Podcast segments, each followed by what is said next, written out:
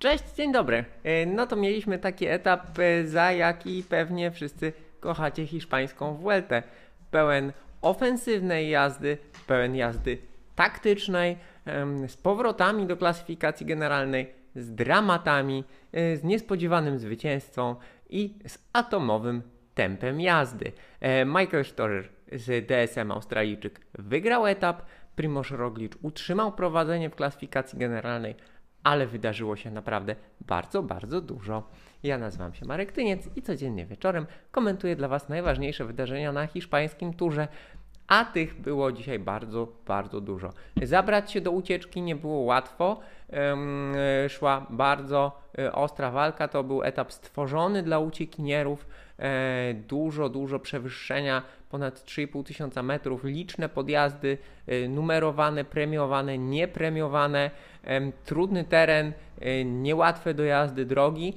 No i trzeba było to wszystko kontrolować, bo ucieczka w końcu się zawiązała, była liczna i była pełna zawodników, e, którzy mieli nie tak duże straty w klasyfikacji generalnej. E, No bo to, że kolarze DSM po tym jak Roman Bardet stracił w Kraksie, e, będą chcieli uratować ten wyścig dla siebie i rozliczyć i, i wygrać etap, no to wydawało się e, poniekąd oczywiste, ale tam zabrał się Poland, zabrał się e, zagrał, zabrał się Grosschartner i już uprzedzając fakty, Felix Grosschartner e, awansował na drugie miejsce w klasyfikacji generalnej, ale oprócz niego spore awanse zaliczyli też, e, słuchajcie, e, rzeczony Poland, Hike, Kus wszedł do pierwszej dziesiątki po tym, jak tak naprawdę no, wcześniej stracił pracując dla, dla Roglicza, teraz z powrotem staje się tym planem B, no bo jeżeli taki zawodnik jak Sepp Kuss na wyścigu takim jak Vuelta pełnym gór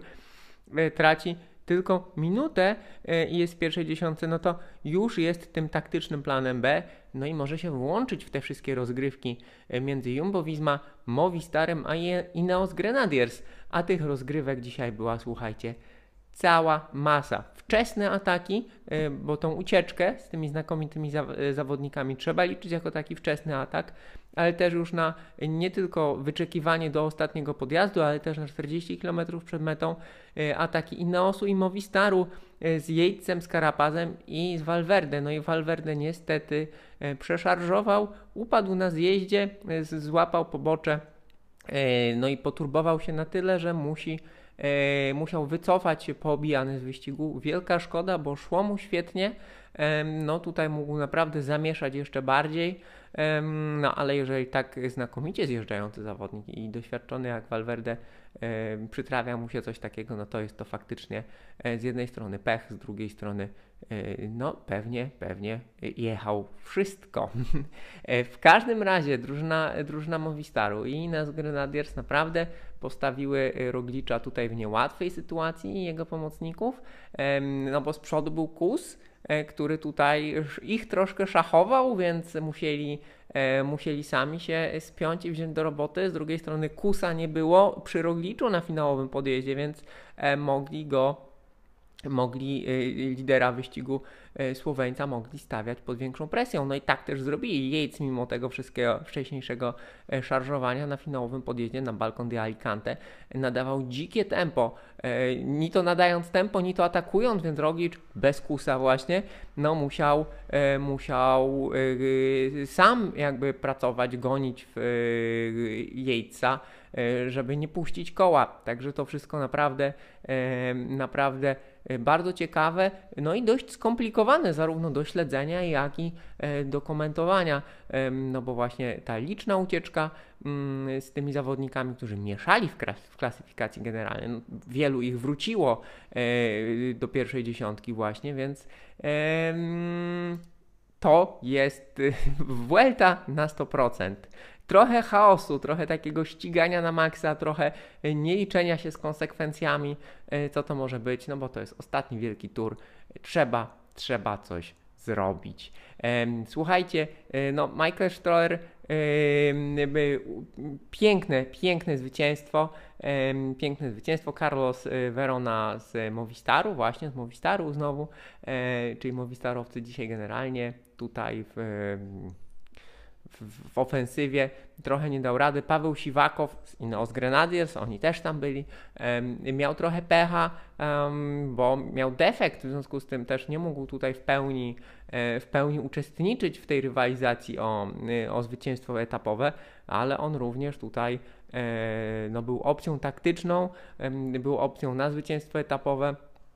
Także, także następny, następny zawodnik, który tutaj ostro y, mieszał. No i już samo tempo tutaj tej, już samo tempo tej czołówki, samo tempo tej ucieczki e, znakomite, no bo na razie na strawie i to jest punktem odniesienia do tych wszystkich obliczeń, y, najlepszy czas finałowego podjazdu ostatnich ostatnich 400 metrów, ostatnich 400 metrów w pionie e, i zarazem nieco ponad 4 km, tam było 9%, natomiast bardzo nierównomierne, bardzo nieregularne i niełatwe po wąskiej drodze też e, z tak dziwnie usytuowaną metą, w zasadzie tuż za zakrętem.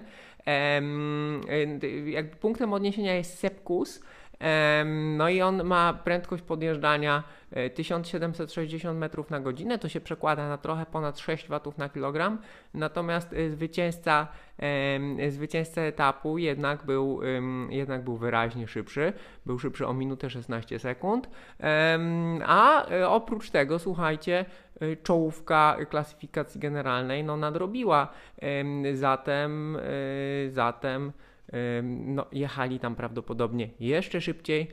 Ja nie chcę Was tutaj moimi własnymi obliczeniami, które mogą być troszkę mylne, y, za bardzo ekscytować, ale tam mogła być prędkość podjeżdżania rzędu nawet i 2000 metrów na godzinę, czyli koło 7 watów na kilogram nawet.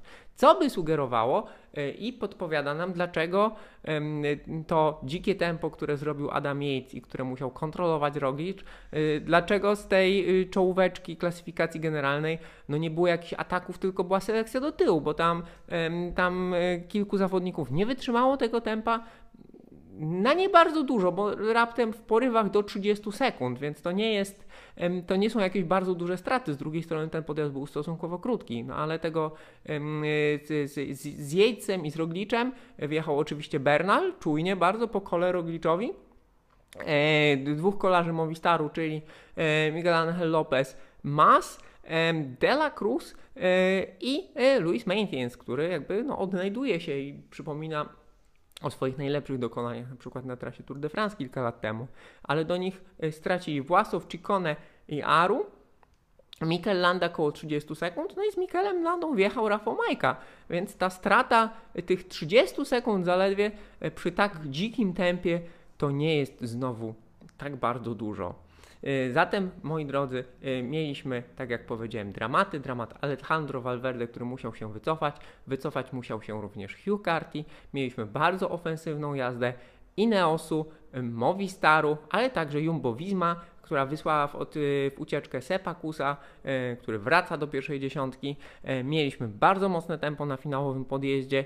Naprawdę znakomity, ekscytujący etap taki jak na Vuelcie wszyscy lubią. Jutro, aby po tym wszystkim odpocząć, mamy dzień oddechu, etap płaski, a w niedzielę y, najtrudniejszy etap pierwszej części wyścigu z finałowym podjazdem do Velefik, ponad 13 km spinaczki. Także moi drodzy, mam nadzieję, że udało się to jakoś syntetyzować, ogarnąć, bo działo się bardzo dużo. Y, zatem dziękuję Wam uprzejmie za uwagę. E, do usłyszenia, do zobaczenia i oby było jeszcze ciekawiej. Dzięki wielkie, cześć.